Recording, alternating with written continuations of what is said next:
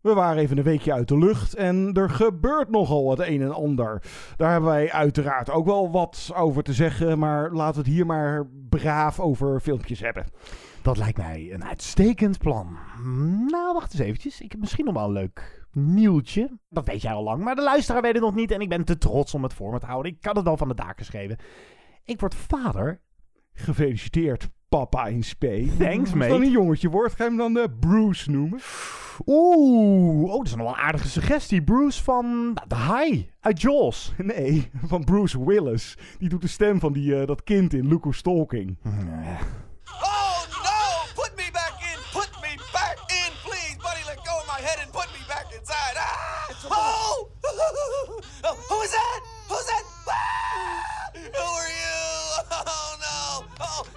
Lady, Uh, I'm cold, cold. I'm so cold. Ladies, hey, now listen. Oh, listen. Let's be reasonable. Hey.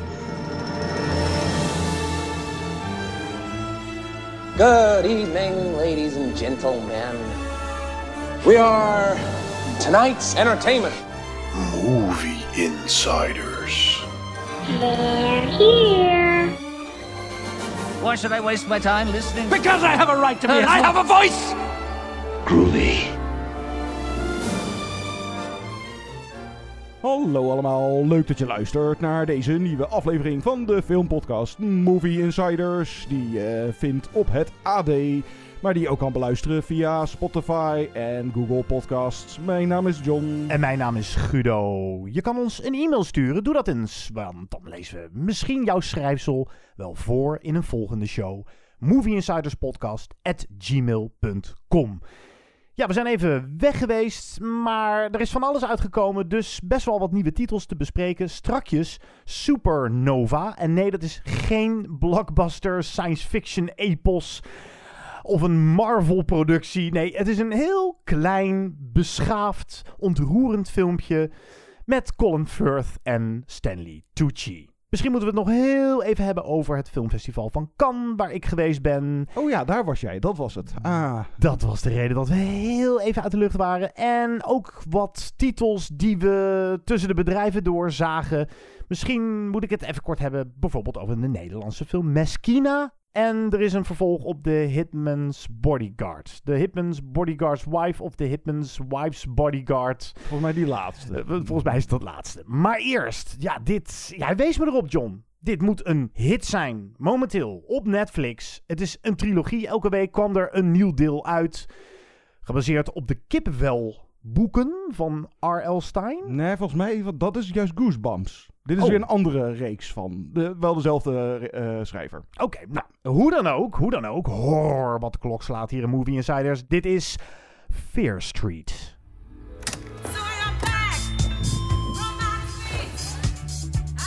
Tonight is Sunnyvale versus Shady Side. Red versus blue. Good versus evil. We commencicate color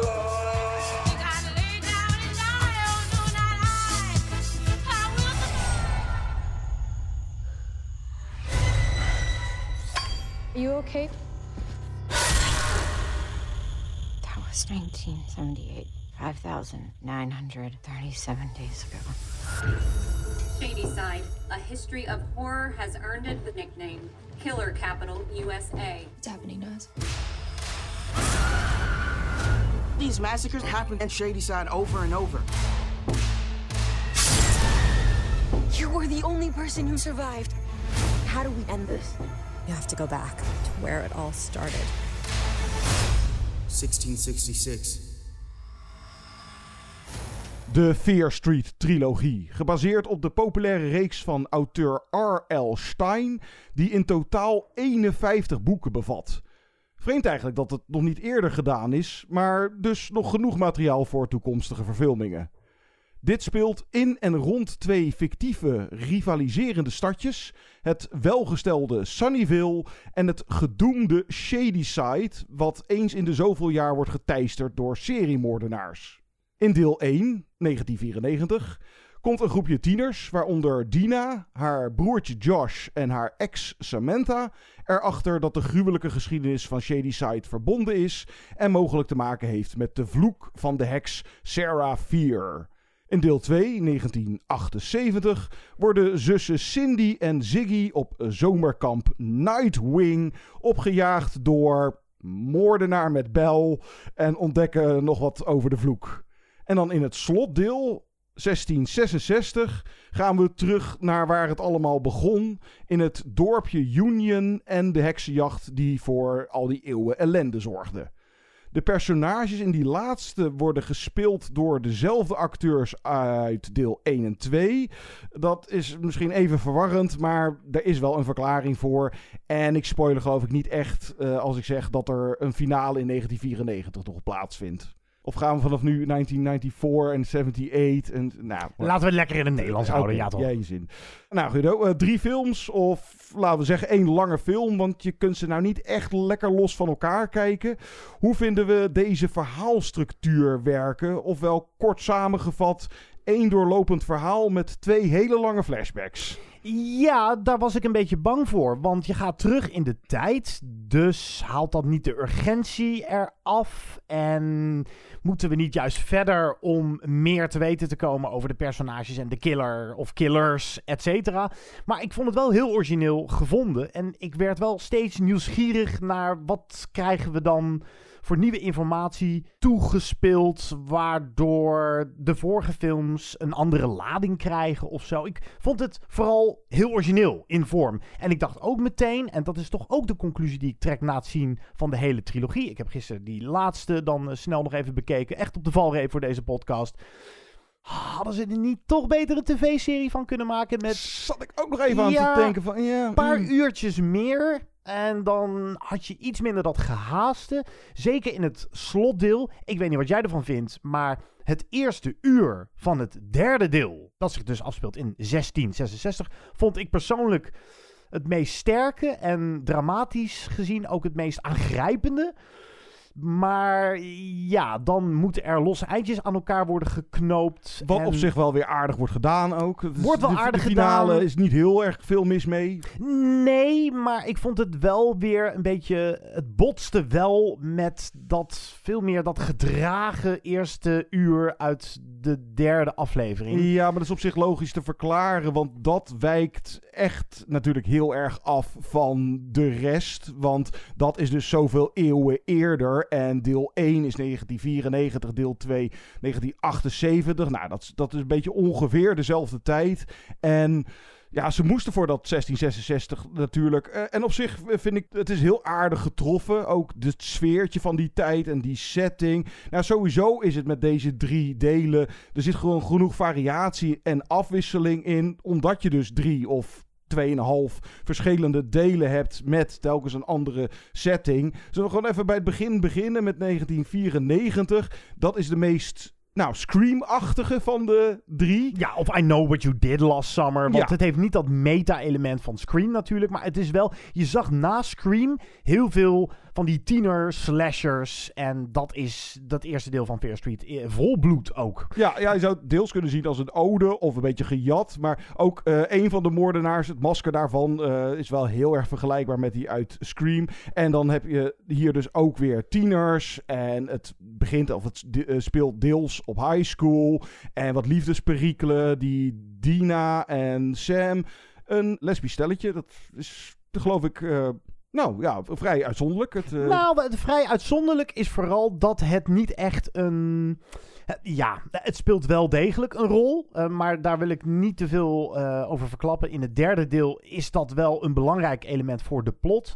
Maar in principe zou je kunnen zeggen, dat geldt ook voor Supernova, de film die we straks gaan bespreken, dat het geen thema is, homoseksualiteit, Nee. per se. En dan haar broertje, die Josh, eh, een beetje de nerd. En dan heb je Kate en Simon. Dat zijn ja, een soort van dealers eh, waar ze mee bevriend zijn.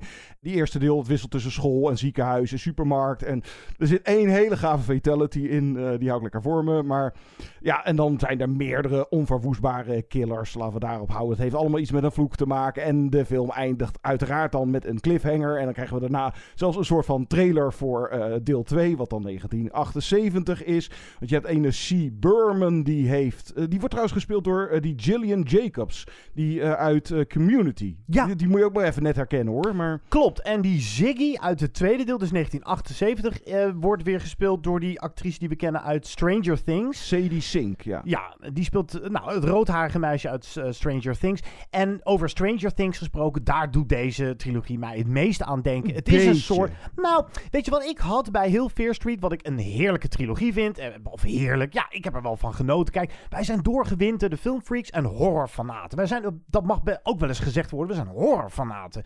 Dus, ik weet niet of jij hetzelfde had als ik, maar ik kon na de eerste 10 minuten in het eerste deel al een beetje raden waar het heen ging in het derde deel. Ehm, nou, ik was toch wel redelijk verrast. Ja, eh, maar nou, ik, nou, ik dan een paar niet. twists in. Ja, je, je kan hem gokken, laten we het zo zeggen. Weet je wat ik een beetje had? Het is ook een beetje een algoritme-hit. Weet je, zo werkt dat nu eenmaal bij Netflix. Best of horror is dit. Ja, nou even kijken wat er populair is. Stranger Things is een hit. eh, tieners, eh, een beetje seks, een beetje eh, geweld, horror. Wat dacht je van de nostalgie-hype die nog steeds voortduurt? Dus nostalgia-porn naar de jaren 80 en tegenwoordig ook al de jaren 90. Nou, de jaren 90 komen hier flink aan bod natuurlijk. Met de Pixies mixtapes en dat soort zaken. Oh, daar gaan we straks nog wat over zeggen. Maar ik had ook wel een beetje het algoritme eh, dat er wel iets meer zorg en aandacht besteed had mogen worden aan het filmische. Het ik vond het af en toe een beetje te gehaast verteld en daarom kwam ik ook tot die conclusie. Hadden ze er niet beter een tv-serie van kunnen maken? Het is af en toe. Hadden we wat meer kunnen ademen. Het ja. is wel, ja, het had voor mij iets meer mogen ademen. Het ging erg snel. Het is lekker energiek, zou je dan ook wel kunnen zeggen. Het is echt vond wel een product ik van vond nu. wel prettig kijken. Doordat het, er zitten echt wel wat eh, rustiger momenten in hoor. Het is niet dat, eh, nou wat is het bij elkaar opgeteld, eh, vijf uur non-stop doorraast. Maar Nee, maar het is wel zo dat als je eenmaal in 1666 belandt, dat je wel hagelwitte gebitten voorbij ziet komen. Het, zijn wel er, het is wel een verkleed partijtje, had ik het idee. Ja. Ik voel daar niet een doorleefd tijdperk tot leven komen. Er had er iets meer aandacht aan besteed. Maar Ja. het is een leuk experiment ook. Misschien Hmm. gebeurt dit wel vaak. Misschien is het wel een trendsetter dat we gewoon elke week een deel van een trilogie krijgen aan films die op elkaar inspelen of in elkaar grijpen als een, als een soort van puzzel. Het is ook wel vol bloed horror. Ja, maar er zitten wel heel veel eh, knipogen. Of in ieder geval... Ja, verwijzingen Ja, wel. nou ja, kijk, zeker dat tweede deel, 1978. Wat, wat we inderdaad zeggen, kijk, Stranger Things, die vibe, dat zit er gewoon een beetje door al de drie de delen heen. Maar eh, 1978 is echt overduidelijk de Friday the 13th zomerkamp eh, slasher. En je hebt hier twee, wat is het, Sunnyvale versus Shady Side. En die, die is dan ook van de drie wel het meest cliché of het, min, het minst origineel. Het meest repetitieve ook, vond Ja, ik. maar hij is wel weer lekker gedaan. Er valt ook niet heel erg veel aan op te merken. Dan is die 1666 dus wel weer wat origineler, omdat het überhaupt iets is wat gewoon weinig of te weinig in films is misschien ook wel te verklaren, omdat het niet zo makkelijk te doen is. Maar die tijd, de heksenjacht. En eh, nou ja, je zou eh, een echt goede horror van de laatste jaren, The Witch. The van, Witch. Ja, Robert Eggers. Hè, maar dat... De, Daar had ik wel het idee dat je echt naar een andere tijd werd vervoerd. ja, en hier was het net, Iets te niet. zo- Het- iets het, te zonnebank. sfeertje was goed getroffen en eh, het, het, het, het, het zat op zich wel oké. En de, nou, de angst voor het onbekende en dingen als jaloezie en hebzucht wat er meespeelt. Een pact met de duivel sluiten. Maar als je naar de eh, trilogie gewoon in zich heel kijkt, krijg je hier dus echt een soort ja, best-of horror met slasher en wat bovennatuurlijks en satanisme. En inderdaad eh full out horror, want hij is eh, flink creepy en soms best ook wel stevig. Eh, er zit niet zo heel veel humor in. Het is dus redelijk serieus, maar speels. In ieder geval voldoende variatie wel ook net aan. eh, dan qua cameravoering of montage en regie. Die eh, Lee Janiak, eh, zij debuteerde hiervoor met Honeymoon in 2014. Die ik nog niet gezien heb. Maar nou ja, of aan de hand van deze films al van een talent, nou ja, binnen het horrorgenre. Ze, ze weet wel eh, hoe ze een, eh, lekkere horror eh, moet presenteren. Zeker. Ik vraag me wel af. Zij doelt ook wel echt op eh, het serieus aanpakken van serieuze tienerproblematiek. En daarin bleef het wel een beetje in Riverdale Ja, dat niveau hangen. zo sterk. Ja, het had gewoon beter gekund. Het, had, het is mij net iets te slordig. Dat vind ik dan jammer. Het is ook... Nou, slordig vond ik het niet. Ik vond het eigenlijk juist wel... Ja? Ja, ik vond het ook een constante kwaliteit hebben. Het, het wordt niet eh, in het verloop van de trilogie echt minder of heel veel beter of zo. Het is eigenlijk... Alles is wel prima. Ja, Met maar... uiteraard wel je mindere momenten of eh, een wat sterkere scène ertussen. Ja, maar ik had het zo gaaf gevonden als je echt het gevoel had dat je in drie verschillende decennia zat. En nu had ik echt wel constant het idee, dezelfde cast doet een ander pakje aan voor een film die zich zogenaamd in een andere tijd moet afspelen. En dat bleef ik wel voelen. Daardoor nam ik het nooit zo heel serieus. En ook de schrikmomenten drijft behoorlijk op de welbekende jumpscares die ik allemaal wel voelde aankomen. Dus Ja. ik schrok nooit echt. En het, is, het, het mist het geraffineerde van een, nou, eh, wat zullen een we eens noemen? horrormeester of zoiets. Of, Ja, zo, zoiets als The Witch. Nu is dat zoiets heel Dat- anders. Dat kan je niet echt een beetje flauw. Maar een, nou, hij is niet meer, maar een Wes Craven die had dit. eh, nou, of als je al regisseur hebt, die al eh, wat meer verdiensten heeft. Maar nou, ik weet niet of het daar nou zozeer aan ligt. En in hoeverre er nog een, ja, tussen aanhalingstekens, moderne inslag. Het, nou ja, ik, het viel me wel op dat het toch ook net iets anders is dan de films uit de tijden waarin het speelt. Je merkt toch dat het wel een film van nu is. Kijk, Stoere Chicks of eh, Final Girls, dat is van alle tijden uit de horror. Die had je, weet ik veel, dat is in de jaren zeventig ook al wel. Wat zijn Final Girls? eh, Final? Girls, dat, dat zijn eh, de, de, de meiden die uiteindelijk de killer, Overblijven, overblijven en de killer afmaken. De Scream Nou ja, Queens noemden we die toch vroeger? De ja, Scream? Queen. En toen werd het later werd het Final Girls, geloof ik, of zo. Nou ja, op een enkele keer na. Maar dat, dat zijn van die kleine details die me hier dan ook weer opvalt. Is dat ze hier... Het zijn niet van die meiden die telkens domme dingen doen, zeg maar. Dus dat... Nee, het- ze, Het is- ze zijn wat slimmer dan de Ja. gemiddelde horrorprotagonist. En dat is Zoiets. toch anders dan, zeg, de films uit, nou, wat is het, de 70s of de 90s. En een hoop van dit is, ja, misschien beter goed gejat dan slecht eh, bedacht. Met weinig nieuws en een aantal cliché dingen erin. Maar toch, al met al blijft het wel spannend en vermakelijk. En is het een beetje een puzzel. En nou ik denk vooral voor horrorliefhebbers. Ja, als je beginnend horrorkijker bent, dan heb je nog geen referentiemateriaal of zie je in ieder geval niet van oh ja, dat heb ik al zoveel keer eerder gezien met een Friday the 13th en noem het allemaal maar. Dan is het redelijk eh, fris en nieuw. Maar voor doorgewinterde horrorkijkers zoals wij is dit nou ja, bovengemiddeld horrorspul. Mm, ja, leuk voor de fans. Raad het eh verwijzingje naar die en die horrorfilm. Ja, het, tuurlijk, zeker wel. Maar het is... Ik, ik vind het vooral leuk dat het oldschool is. En dat het niet... We, hebben best wel lang de trend nu dat horror meer moet zijn dan een scarefest. Het moet een metafoor zijn voor racisme of een metafoor voor...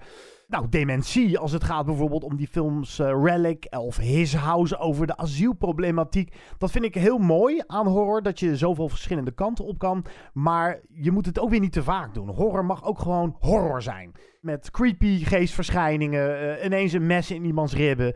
En dat is deze film weer. Dus het is een throwback naar dat wat we vroeger vooral veel zagen in het horrorgenre. Maar dat is het ook. En verder eh, op zich eh, even vermelden, prima cast en eh, acteerprestaties.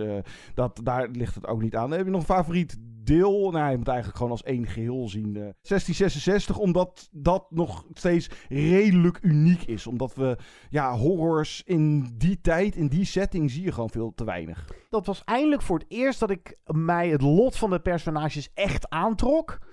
Dus dan ga ik toch voor het derde deel. Alleen gebeurt daar halverwege iets Ja. waardoor... Nou ja, goed, we moeten niet te veel verklappen. Het, het grappige is, het is een throwback naar wat we kennen. En toch voelde het aan als horror voor dummies bijna. Het is lekker instapbaar, zoiets. Ja, dus in dat opzicht misschien inderdaad precies horror voor beginners. Als je nog niet zo bekend bent met horror, zet gewoon die Fear Street eh, trilogie aan. Dan kan je ook gelijk zien wat voor horror er vroeger gemaakt werd. Exact. En als je dat niks vindt, dan moet je gewoon weer lekker naar je Disney film stappen. How we save Shady Side. Being the heir apparent isn't always easy either. What if that's not who I want to be? You believe me, right? About the curse. Of course. I know I've let a lot of people die tonight, This isn't your fault. but not you. I'm not letting you die.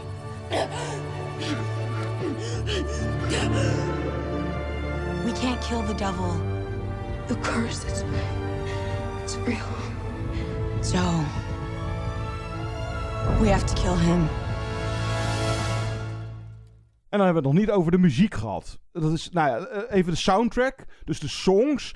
En dan vooral, nou het meest nog wel in het eerste deel, in 1994. Dan heb je het ook nog wel in 1978. Dat het in 1666 niet gebeurt, dat is natuurlijk een soort van logisch. Waarom hoorden we Maar daar geen Radiohead? Ik, Nee. ik word daar helemaal gestoord van. Dat ze dan super gave nummers. En alsof ze er dan doorheen gaan zitten skippen. Echt gewoon even, even 10 seconden of 20 seconden. Dat je net even hoort van. Oh, dat is Creep van Radiohead. Of oh, dat is van. eh, ik roep maar Nirvana. Garbage. Of van Nirvana. Of wat dan. En dan boem. En dan gaat het vaak ook nog eens over in score. Nou, ik vind dat er vanaf nu voor dit soort films moet er een regel komen. Dat als je dat soort nummers op je soundtrack inzet. moet je op zijn minst een minuut ervan draaien. Punt. En niet. eh, in- oh, want ik zit. Zeker. Nou, er zit fantastische eh, muziek, eh, songs in. En dan zit ik de hele tijd. Oh, dat was dat. Denk ik dus ook uit 94. Oh ja, dat is een lekker nummer. En we gaan weer door. Hè, verdorie. Op zich, eh, dan gaat het over in prima score van. Nou ja, Marco Beltrami, de componist. Die heeft dan in ieder geval alle drie de delen score. En dan in ieder deel samen met iemand anders. En de score is ook vaak wel weer toepasselijk bij in welke tijd het ongeveer. In ieder geval dat van 1666 is ook wel een beetje. Daar zit geen eh, hypermoderne eh, elektronische score eh, achter. Mag ik er dan eentje kiezen? Ik vond de lekkerste toch uit het tweede deel, 1970. Oh, nee, we zouden het in het Nederlands doen. 1978. Ja, nou, of we kunnen van alle drie de delen, als we eerst nu een stukje 94 doen, straks nog een klein stukje 78. En dan aan het einde dat het stuk uit 66 eh, 1666 van Sarah 4, eh, hoe heet die track? Die duurt vrij lang, maar die is mooi. Oké, Prima. prima. zoiets. Dus nu een stukje 94. De 90s dus. Marco Beltrami. Blijf luisteren.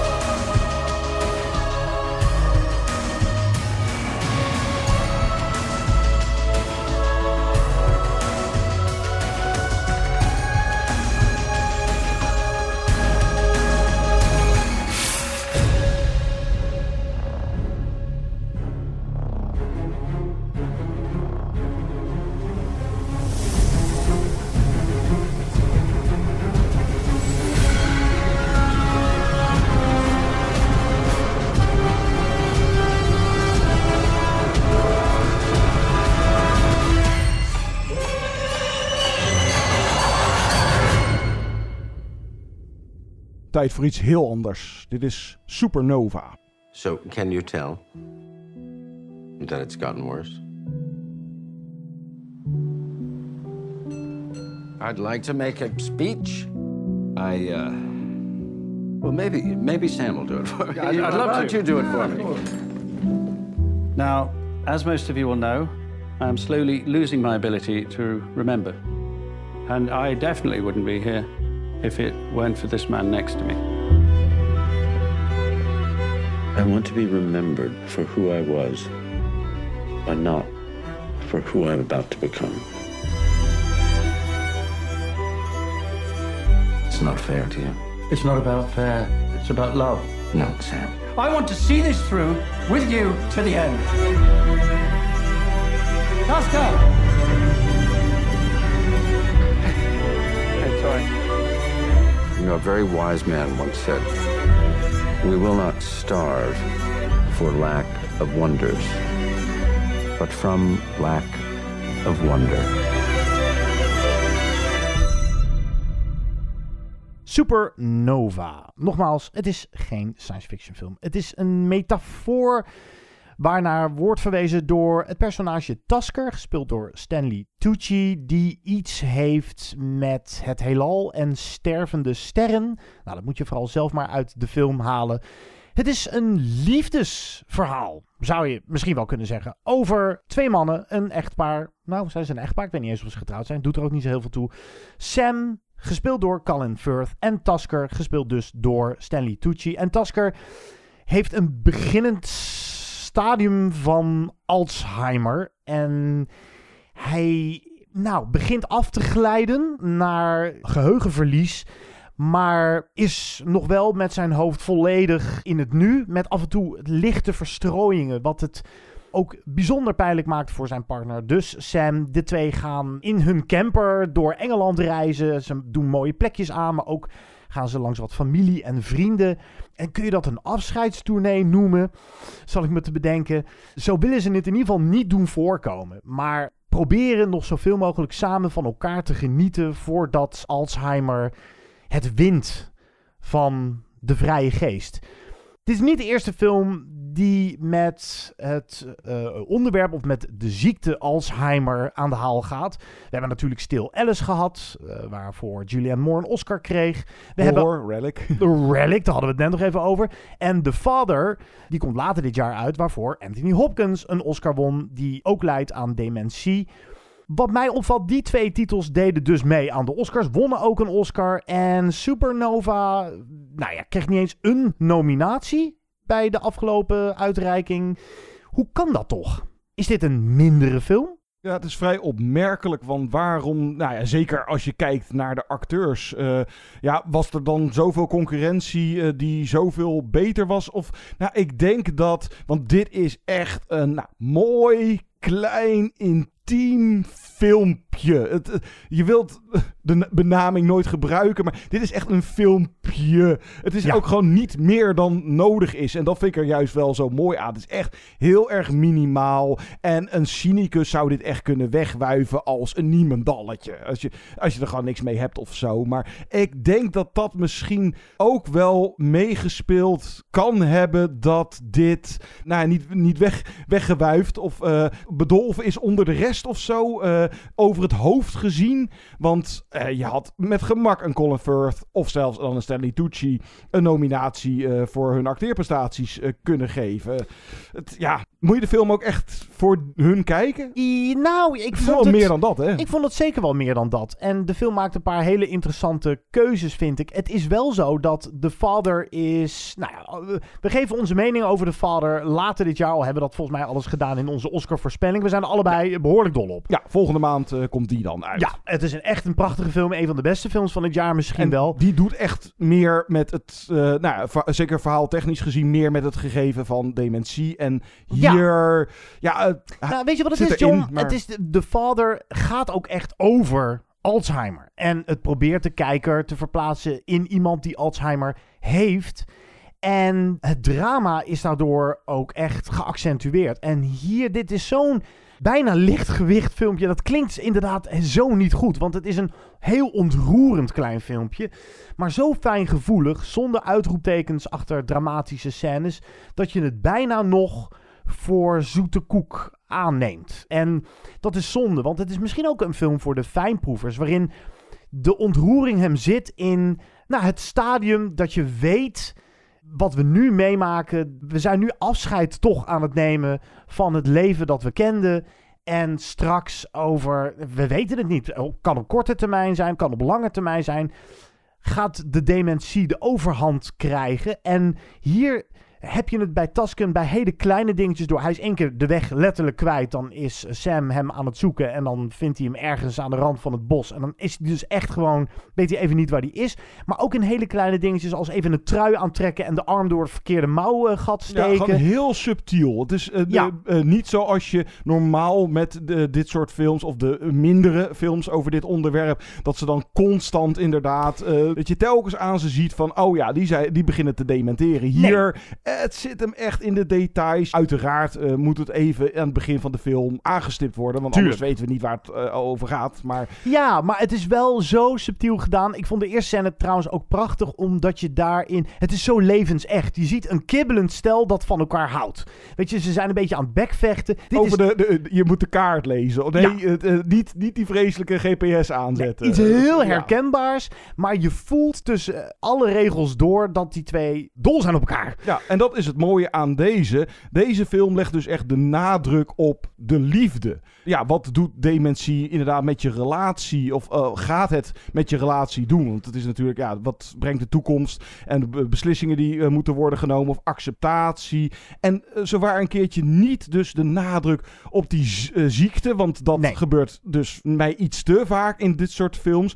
En misschien nog wel meer bijzonder aan deze film is dat er gewoon totaal geen nadruk wordt gelegd op dat dit een... Het is echt nou, een soort van toevallig een homostel. Ja. Het had net zo goed een heterostel kunnen zijn. Of lesbiennes had zomaar gekund. En dat daar een keertje dus niet eh, de focus op wordt gelegd Weet je is wat vrij zeldzaam. is? Weet je wat grappig is, John? Ik zat eh, daar ook over na te denken toen ik vanmiddag de geschreven recensie maakte voor het AD. En ik dacht, zal ik dat nou benoemen of dus juist niet? En Mm. toen heb ik ervoor gekozen dat niet te doen. Als de film er geen punt van maakt, waarom Ja, zou ik het dan wel doen? Ja, inderdaad.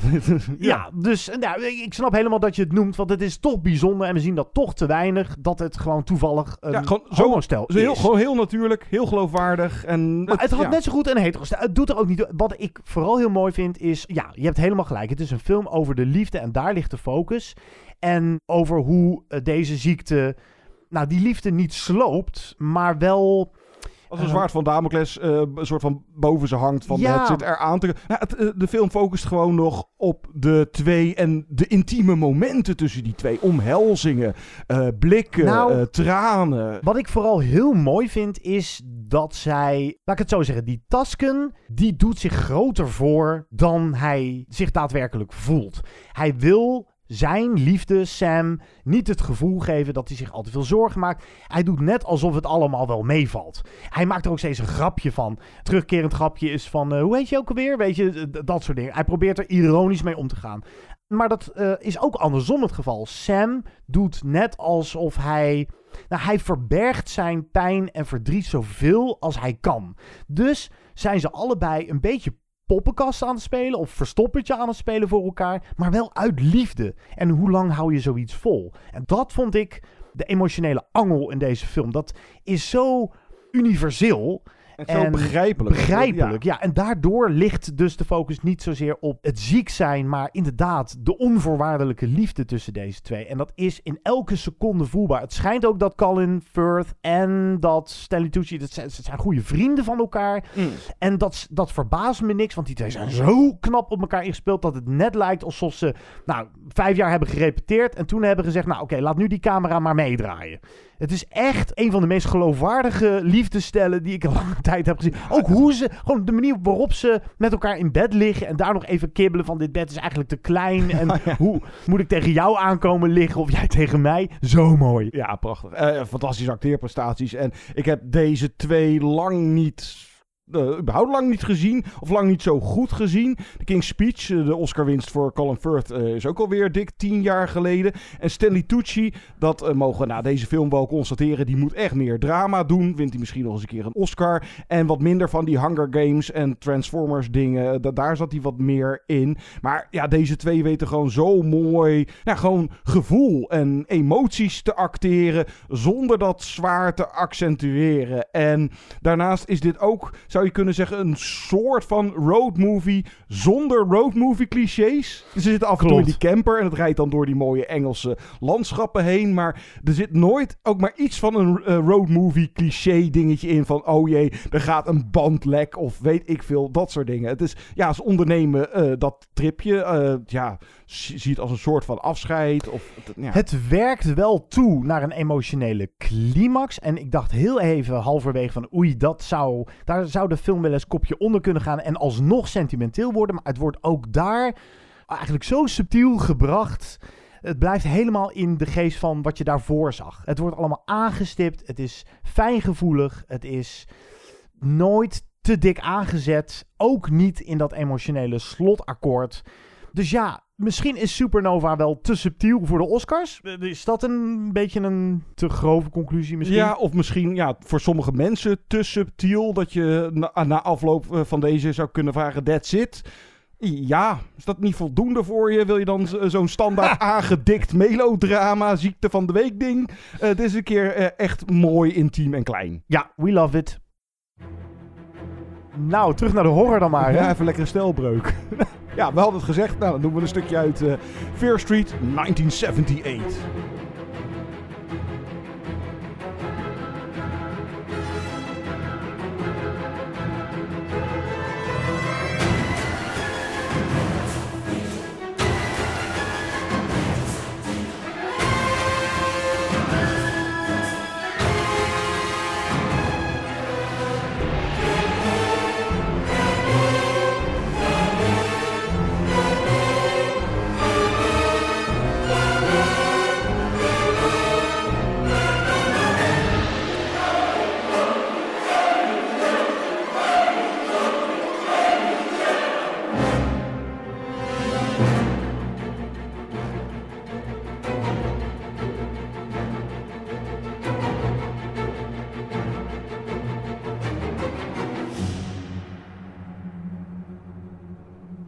Als ik iets heb geleerd van mijn eerste Cannes Filmfestival, is dat ik langer had moeten gaan. Ja, nee, was er niet uh, de hele zit? Wat je daar, uh... Nee, ik wilde ook mijn, nou, zwangere vriendin niet te lang alleen laten. Klinkt heel sentimenteel en zoetsappig, maar dat is het ook. Uh, en ik, ja, een week leek mij wel voldoende. Dat werd mij ook ingefluisterd.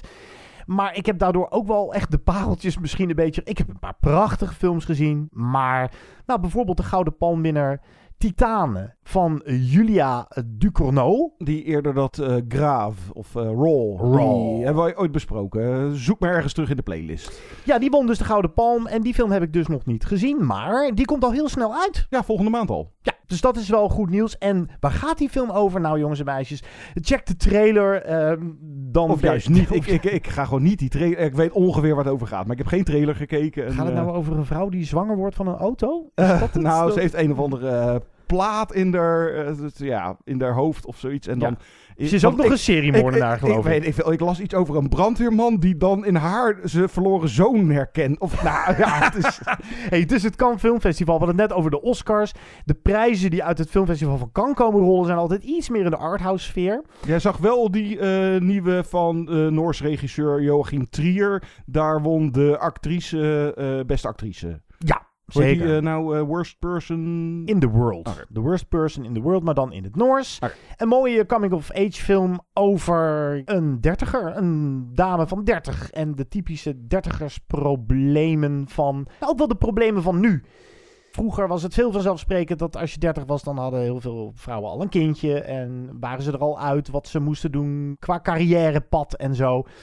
En deze film snijdt het huidige probleem, of probleem, het is, het is niet eens een probleem, maar dat, dat mensen misschien langer nodig hebben om zichzelf te vinden. En de verwarring van deze tijden of zo. Die film pakt dat prachtig aan. Maar het is ook een film waarin letterlijk iemand de tijd stilzet en dan terugloopt naar het verleden. Dat soort hoofdstukjes zitten er ook in. Okay. Dus het heeft nog Benieuwd. een soort, uh, ja, hoe zeg je dat, een magisch-realistisch gehalte. Wat, wat lichte surrealistische tintjes. Uh, ja, ik weet zeker, John, dit ga jij heerlijk vinden. Oh, dat zal vast wel. Prachtig. Ik vond uh, zijn eerdere werken ook geweldig. En even kijken, ja, je hebt de nieuwe Wes Anderson, Friends Dispatch heb je dan gemist. Ja. Een nieuwe Oscar Verhadi. Nou, van een aantal kantitels is er inmiddels wel bekend dat ze dit jaar nog een release krijgen. Maar... Waaronder eh, Benedetta. Ah, ja, ja. Benedetta eh, van Paul Verhoeven, die ik ook heb mogen spreken. Ja, eh, ik eh, moet hem een tweede keer zien. En Provocateur Verhoeven. een provocateur. Ja, en deze keer kreeg ik toch een beetje het idee dat hij provoceert om te provoceren. Hij doet het erom. Hij doet het er wel heel erg om. Ik vond het een beetje een platte film. En ook niet een film die mij prikkelde Als om... El dat misschien wel deed. Ja, ik was ehm, dol op L, omdat het een hele provocerende film is, maar die ook echt psychologisch een mooie, ja, prikkelende, uitdagende sfeer heeft. Een film die in je hoofd blijft spoken. En Benedetta is, nou ja, iets meer trashy verhoeven. En dat is goed nieuws voor sommige mensen die misschien die verhoeven misten en L weer iets te academisch verantwoord vonden. Maar de film doet wat de trailer al beloofde, namelijk veel seks, eh, veel vrouwelijk naakt, een... En veel nonnen. Veel nonnen en een Maria-beeldje dat tot dildo wordt gesneden. Het zit er allemaal in.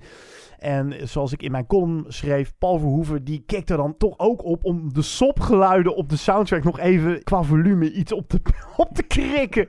No pun intended.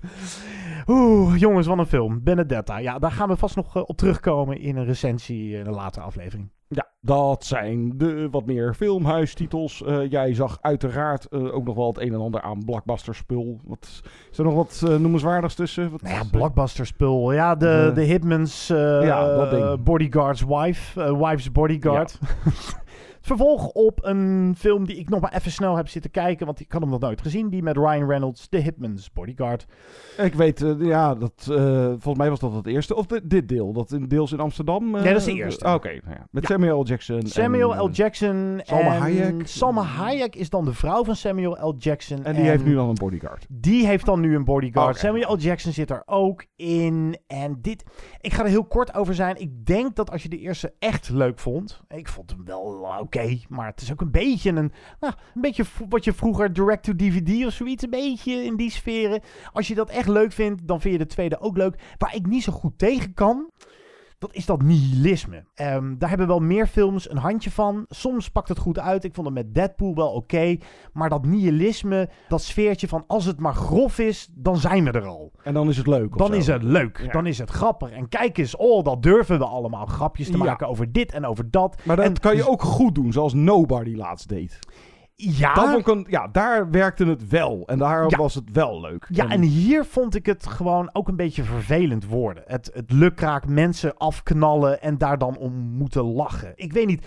Eh, het is ook een kunst om dat eh, goed eh, of Ja. leuk te brengen. Ja, hier, eh it rubbed me the wrong way, zou ik maar zeggen. Het, het is eh, een onderhoudende film, maar ja, jeetje, Mina. Ja, dit kan je gewoon echt wel met gerust hart overslaan. En nog heel even kort Meskina, omdat het een Nederlandse film is. En ik vind dat je de Nederlandse cinema toch ook altijd even moet aanstippen. Op Ja, minst. volgende podcast, hey, Luizenmoeder. Dat De luizenmoeder gaan we doen. Ja, daar gaan we uitgebreid bij stilstaan. Meskina is gewoon een sympathieke romcom die zich afspeelt in de Marokkaans-Nederlandse eh, eh, gemeenschap met Mariam Houssani. Zij speelt, nou, eigenlijk waar we het net over hadden bij The Worst Person in the World. Een dame die de 30 aantikt, maar nog niet zo goed weet wat ze met het leven moet. En ze wordt een Meskina genoemd door haar familie. Een, een ja, nou, niet, net niet een mislukking, maar wel een, nou, een stumpert of zo. Zo, zo zou het eh, vanuit het Arabisch het best vrij kunnen vertalen. Het is een, een film die punten scoort omdat het lekker multicultureel is. En ook die cultuur best wat meer peper geeft of zo. Vaak eh, krijgen wij die gemeenschap voorgeschoteld in films als heel conservatief. En daar mag geen seks plaatsvinden en ook geen eh, eh, seksueel getinte grappen. En hier gebeurt dat wel. Dat is lekker. Maar het is ook toch weer een typische Hollandse romcom. Met gewoon een net wat te voorspelbaar plot. Met net te veel hysterische typetjes daarin. Eh, een film die naast grappig ook best wel eh, serieus iets wil zeggen over, nou, de vrouw van 30 en deze huidige tijden. Maar daarin de plank dan volledig mislaat, omdat het gewoon net iets te dik is aangezet allemaal. Het is net iets te kluchtig. Maar met het hart op de goede plek. Laat ik voor de afwisseling ook nog eens even een keertje wat melden wat ik ook heb gezien. Noem ik eerst de anime-serie Demon Slayer, ofwel Kimetsu no Oh. Yaiba. Dat werd uitgezonden, of dat komt uit 2019. Dat beslaat dan 26 afleveringen.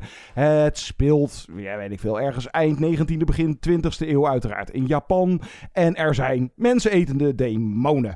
Dan heb je Tanjiro, eh, de tienerjongen. Zijn familie wordt afgeslacht door eh demon en zijn oudste z- zusje. Eh, Netsuko eh, wordt in een demon veranderd, maar hij neemt haar mee eh, en nou, zij wil uiteindelijk, ze, ze weten er om te turnen of een soort van, die wil geen mensen opvreten. Die, nou, hij sleurt de hele tijd haar ook in een houten kistje op zijn rug, sleept hij er mee, want ze kan niet tegen daglicht. En, nou ja. en dan wordt hij ingelijfd bij de Demon Slayer Corps. Dat zijn dus, mm, nou ja, figuren die, die demonen gaan afslachten. Daar heb je eh, Zenitsu en Inosuke. Die, eh, en dan komen ze weer. En dan heb je verschillende gradaties van weer Demon Slayers. Die weer beter zijn. En dat zijn weer de Hashiris of de. eh, Nou ja, whatever. Het is. Nou, en dan Dragon Ball 8. Ik ben niet zo bekend met Dragon Ball. Ik heb er wel eens een keertje iets van YouTube. Dragon Ball Z heet dat, hè, Oh, ja, Dragon dus- Ball Z. Nou, volgens mij heet het oorspronkelijk Dragon Ball. En Oh, dan kreeg je shit. later Z. Dat heb, het, is, het is sowieso niet van eh, mijn ding nooit echt geweest. Maar dat soort achtige gevechten zitten hier dan wel volgens mij weer in. Dus dat hele eh, snelle en eh, het is af en toe best wel cool. En dan de animatievorm. Nou ja, je hebt de normale, de mooie animatie. Dan heb je die, dat die personages, ja, dan worden ze een soort van cutesy. Opeens heel kinderlijk met kleine oogjes. En dan zijn, dat is vooral als ze heel schattig opeens eh, doen. En dan heb je ook nog het, eh, ja, het comic echt heel erg stripboekachtig. Een beetje echt als karikaturen. eh, vooral als ze in hyperstandje gaan. Nou ja. Mensen die bekend zijn met anime eh, zijn daar al licht waarschijnlijk bekend mee. En dan eigenlijk de aanleiding om die serie. Nou, die hartstikke populaire anime-serie staat ook. eh, nou, van de laatste jaren. eh, de mensen hebben het erover. Maar die moest, moest ja, eigenlijk ook wel een soort van eh, zien om dan die film te kunnen kijken. Die misschien nog net in de bioscopen hier draait. Dus dat is Demon Slayer Mugen Train. Ja, die eigenlijk. je kan het zonder die serie gewoon eigenlijk niet. Nee, kan je niet kijken. Oh, daar was Dus- ik namelijk benieuwd naar. Ja. Dus dat is een must. Ja, ik denk Dus dat is weer een hap uit je leven. Ja je, ja, je moet denk ik toch echt wel die serie gezien hebben. Wil je die film een beetje kunnen volgen. De- ook een of andere demon en die morft met een trein. En eh, nou ja. Eh, gelukkig zit er dan wel weinig van die uh, Zenitsu in. Want dat is een stront irritant personage uit die serie. Nou, en twee battles zitten erin. En het is, ja, het is eigenlijk een handjevol afleveringen dan als één film. Van om en nabij de twee uur. En ja, dit is geen Ghibli. Dit is wel echt anime. Met dus inderdaad wel s- soms eh gaaf eh, nou, gevechten en eh, mooie animatie. Maar soms ook heel vervelend of heel langdradig of overdramatisch. En met van die toonwisselingen van nou ja, standje 1, super chill. Echt binnen no time opeens naar standje 11. Echt in de hypermodus. Eh vooral dat ene personage die ik echt stront vervelend vind. Eh, Helder, geluk- ja, John, helder. dan dus niet echt in die... Ja, die film... eh, als je die serie gaaf vindt, dan vind je die film eh, uiteraard. Het is gewoon meer van hetzelfde. En ja, het is mega populair, want die anime-serie die staat hoog genoteerd in de IMDb TV top 250 en deze anime film, dus Mugen Train, staat in ieder geval op het moment van nu opname nog net in de IMDb film top 250. Dus eh, ik wou het gewoon een keer eh, gezien hebben. En, eh, ach, Heb je ja. er spijt van? Nee, het, is, het, het, het kijkt lekker weg. Het is eh, ja, mooie animatie. eh. er zitten ja, sommige dingen van anime waar ik wat eh, minder mee heb, zitten er dan helaas ook in. Are we there yet? This beach, it's beautiful. My swimsuit is hurting. They do look small. Come on, let's play hide and seek. Have you seen my children? Mom, I'm right here. He was six years old this morning. Oh no. Mom, I'm scared. There's something wrong with this beach. We were chosen for a reason. What's happening? I don't know. I can't think. Een clipje was dat uit Old. Dat is een nieuwe film van M. Night Shyamalan. Die ooit zo goed begon met The Sixth Sense en daarna nooit meer dat niveau helemaal heeft gehaald. Nee, dat heeft hij Nee. nooit meer gered. En toch ben ik altijd weer nieuwsgierig naar zijn Wat heeft hij nu weer voor twist bedacht? Ja, dat. maar ook of hij weer eens een nou, meesterwerk... Ja. ja, dat split was wel aardig. Split vond ik leuk. Eh, ik heb altijd een zwak gehad voor Unbreakable. En nou ja, The Village vind ik ook nog wel te pruimen. Lady in the Water vind ik eigenlijk... Dat is is gewoon, guilty pleasure is dat. Het is gewoon een beetje guilty ja, pleasure dat als maker ook. S-bender gemaakt. Oh ja, ja, dat was ik alweer een beetje vergeten. En maar denk ik, die heb ik nooit gezien. Dat met de Will Smith en dat ze en zijn zoontje. geloof After ik. Earth? Oh, ja, whatever. Nee, heb ik ook nooit gezien. We doen in ieder geval dus Old. Eh, of althans, ik weet niet of jij hem gaat zien. Ik ga hem moet sowieso eh, zien. Want ik heb nog een interview met Gael Garcia Bernal. Die daar de hoofdrol in speelt. Samen met Vicky Creeps. En die kennen we uit Phantom Thread. Dus, nou, aardige kast. Over een strandje en mensen worden daar snel oud. Oké. Ja, ik voel me ook oud worden, Ja. John. Ik word op mijn 42ste vader. Nou, ik ben Ja. nog geen Rob de Nijs. Eh, Goed. Kan je dan nog wel zeggen je wordt vader? Moet je dan nu al zeggen eh, je wordt opa? Goed. Wat we dus ook doen, volgende podcast, is De Luizenmoeder. ja. Ja, De Luizenmoeder was een hele succesvolle televisieserie. Maar er daar keken echt 2,8 miljoen mensen naar op een eh, hoogtepunt, geloof ik zo'n beetje. Dus verrassend, dan komt er een film. Ja, maar wel Ja. echt dusdanig lang na de hype dat ik zo benieuwd ben of het een hit gaat worden Ja, in want de wanneer bioscoop. was die eh, serie gestopt dan? Is dat... Dat is toch wel weer ruim een jaar geleden hoor, geloof ik. Ja, maar ja zo'n film, hallo, je moet hem ook even maken. Ja, nee, en er was, zeker. er was nog iets van een pandemie ook. Eh, de film doet ook iets met de coronacrisis. Dus dat, eh, Ja. In ieder geval bespreken dus De Luizenmoeder ook in de volgende podcast. En misschien, maar moeten we even kijken wat er van komt. Eh, dus er komt ook een fantastische film uit Lesotho. Eh, dat is dat landje bij Zuid-Afrika komt daaruit. Hoe heet die film ook eh, weer? This is not a burial, this is a resurrection. Ik heb hem nog niet, maar het moet een van de mooiste films van het jaar zijn. Ja, daar ligt een screener voor me klaar. Dus ik ga hem eh, zeker zien. Tot die tijd, laat van je horen. Door bijvoorbeeld een reactie achter te laten op movieinsiders.nl. Of door met ons eh, te twitteren. At movieinsight, daar zijn we te vinden. Of stuur eens een mailtje naar movieinsiderspodcast.gmail.com. We zijn ook te vinden op Facebook en op Instagram. Ja, want Instagram is dan Movie Insiders Podcast, geloof ik, hè? Ik geloof het wel. Ja. Ja, dat zouden we eigenlijk eh, 100% zeker Ja, moeten weten. volgens maar mij, eh, eh, ja, wij zijn niet zo... eh, wij zijn oud, we zijn oude lullen. Old, old, old old. dicks. Dus eh, laat van je horen, vinden we altijd leuk. En laat eens er een recensie achter op bijvoorbeeld Apple Music. Dat kan daar, het oude iTunes is dat. Ja, dat kan ook. Een sterren review ding. En eh, we zijn iedere week op het AD. Zeker weten. We gaan eruit met, hey, verrassend muziek uit de Fear Street trilogie. Dat hadden Ja. we beloofd. Die zouden we nog doen. En ja, dit is een heel. eh, dit is eh, niet echt horrormuziek, maar dit is gewoon een mooi, melancholisch. eh, ook het meest emotionele stuk muziek. uit dus eh, 1666. Eh, het, het duurt vrij lang, maar het is heel mooi. Van componist Marco Beltrami. Tot volgende keer. Tot de volgende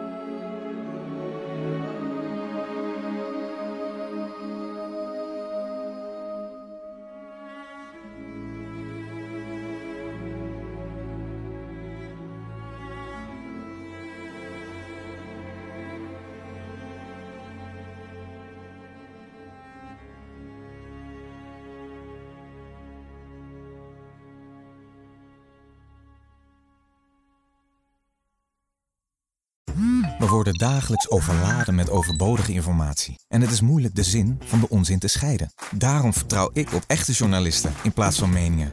Een krantenmens heeft het gemakkelijk. Word ook een krantenmens en lees je favoriete krant nu tot al zes weken gratis. Ga snel naar krant.nl. Bezorging stopt automatisch en op deze actie zijn actievoorwaarden van toepassing.